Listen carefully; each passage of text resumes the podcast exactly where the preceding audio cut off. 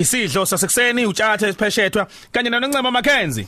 Namhlanje kuyona ingosi yethu zomthetho ukhona eh, uadvocate Mlondo njengenjalo. Sikubingelele sikwamukele advocate?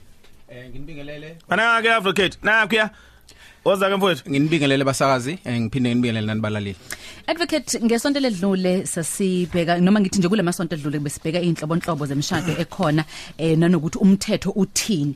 Ake sibheke ke la eh isithembu.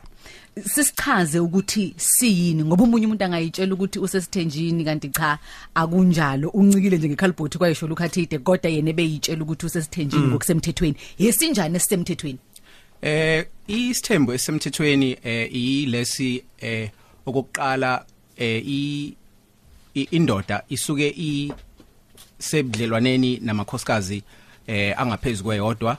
1 2 eh kufanele kube khona isivumelwano esenziwe eh, indoda nge- nge nge- application e court leso sivumelwano i agreement eh, endoswe i court ukuthi eh, ikwi best interest yama spouses la indoda esho khona ukuthi eh empahleni yami indlu kaMasibanibani izothola ukuthi indlu kaMasibanibani izothola ukuthi iyiswe enkantolo le application and ifike approve enkantolo.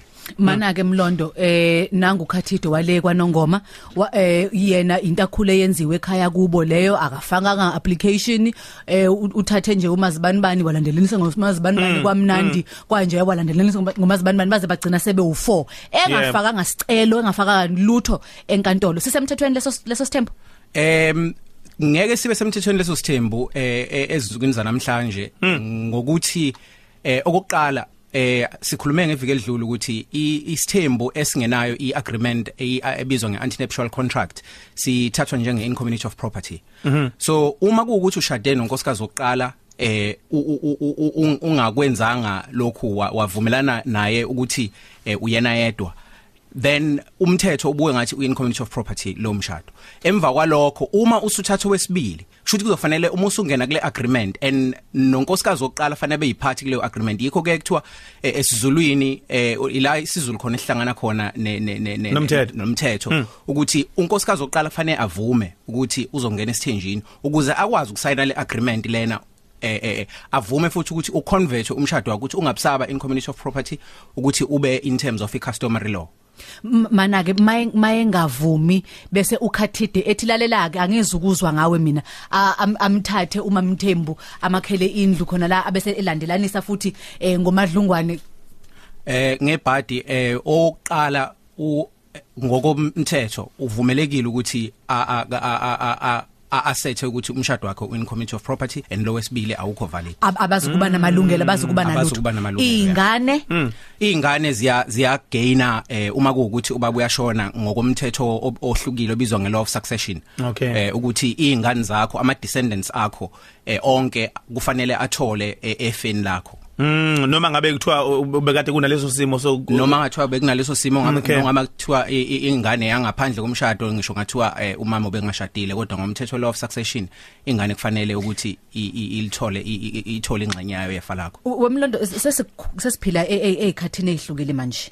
Iqiniso lithi eningizimu Afrika kufana nako Uganda nako Kenya nako Malawi abantu bavumelekile ukuthi babe nom- ba- bashade nomuntu wob- wobulilo obufanayo. Eh uma nje mina ngunongcebo ngizosuke ngithathe umpume ngishade ngisengakwazi ukuthi ngiphinde ngithathe unombuso ngiphinde ngithathe eh unobuhle. Eh ku- ku- kunomzima lapho ngenxa yokuthi i- i- i- isithembu siregulatewa i i- i- i- i recognition of customary eh, marriages act. Eh so kushuthi kufanele kube umshado wesintu.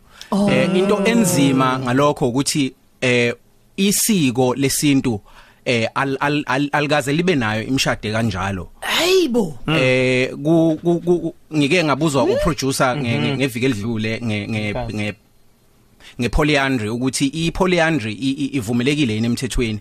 Umthetho wam- o- wa South Africa njengamanje eh ovumela ukuthi umuntu abe na more than one spouse abe no no no no no no nomaqondana noma no no partner noma- nonkosikazi eh, noma nendoda eh eh, eh, more than one i customary law. Kwi customary law akukaze kube khona ukuthi umuntu wesilisa abe eh, na- nabantu wesilisa abaningi noma umuntu wesifazane abe nabantu besifazane abaningi a- aganene nabo. Yini le polyandry?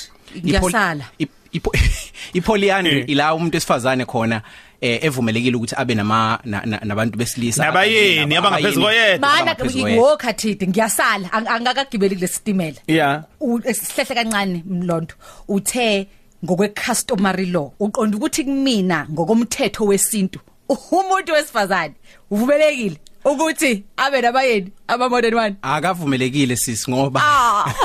Akavumelekile ngoba i-customary law eh ngenkathi umthetho u- u- u- ubekwa wawubekwa ukuthi u- u- u- urecognize i-customary law im- imithetho yesintu Yesintu. ey- eyayikhona ngaleso sikhathi Okay. umthetho wesintu ngaleso sikhathi wawungekho o- o- o- ogunyaza o- opracticewayo ngoba uya ngepractice opracticewayo la umuntu wesifazane khona Eba nabayeni abangaphezu eba- koyedwa. eba nabayeni abangaphezulu koyedwa nomuntu wesilisa eba eh, eh, eh, eh, na- nabayeni abangaphezulu koyedwa noma eh, eh, eh, noma qondana ongaphezulu koyedwa abobulili ufana nobakhe. Bobulili obufana noba okuchaza ukuthi isithembu okuyisona esisemthethweni is- ilesi esibhekelelwe i-customary law. So wesilisa nowesifazane. Owesilisa no owesilisa oshade nabesifazane.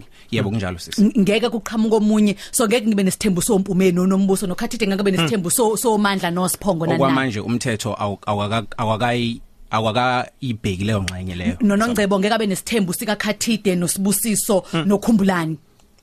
Kunjalo impela alright Yeah. Cishe u- u- kona u- umbono bekade beko omnye owesifazana oshadile lapha kwamkhize. Cishe ukwazile ukuyiphendula leyo mlondo ngendlela unonceba bekade ibuze ngayo njoba ethi ubeshade nomyeni wakhe eh nge- nge in committee of property ngo2010 manje usecela uthatha omunye unkosikazi. Eh wayesethi ke wanqaba eh leyo ndaba leyo. So ke uchazileke mfowethu ukuthi umthetho yena ke umvikela kanjani lo wesifazana njengoba engahambisani naleso sicelo so- somyeni? Ya njengoba engahambisani naleso sicelo leso eh kushuthi u- umyeni wakhe kofanele amncenge azavume. Ngoba kokuqala kuzofanele eh kuconvert umshado wabo ukuthi u- u- ushintsho ungabi in community of property. So ukuze kwenziwe leyo application leyo fanele lo ashade naye abe ingxenye yaleyo application. Okokuqala ngeke azabe ingxenye yaleyo application uma ukuthi akavumi. Okwesibili uma sekusayinwa iagreement eh le okufanele endoswe inkantolo eyayilethwe um- owesilisa uma eshade eh, eh, eh, esithenjini eh leyo agreement leyo kuzofanele isayinwe yiwo wonke ama parties kusho ukuthi kuzofanele ayisayine nayo so imvume yakhe i- i- i- i- ibaleke ngalezo indlela zombili Okay. Kuyezwakala. U- Omunye la uthi u- u- u- advocate Mlondo unkosikazi wami ngimcele uthatha owesibili. Wamana wathi hayi naye kuzothatha umkhwenyana wesibili. Uthi akaze kwehle kahle lokho kimi. Ngi- ngi- Ngibona ngathi akana indaba nami. U- i- i- i- Nayi inhlekelele lapha. eh Olkosazi nami ngizo- nami ngizothatha omunye. Lo well angamthatha wesibili eh amthathe kodwa emthethweni uzobe ngesiwe umkhwenyana wesibili ngoba sesike sakhuluma ngendaba ye polyandry kube kuyi polyandry leyo. Ipo- i polyandry umthetho wa South Africa awukaka awakabi naso sibonelelo sawo njengamanje. Mm njengamanje. Okay. mana ke we we we we- we we- we advocate Mlondo uma kuukuthi eh u- ukhathide u- unonkosikazi eh unkosikazi njenge njengomesi simkhize nje eh ongavumanga ukuthi athathe u- u- u- Owesibili. owesibili.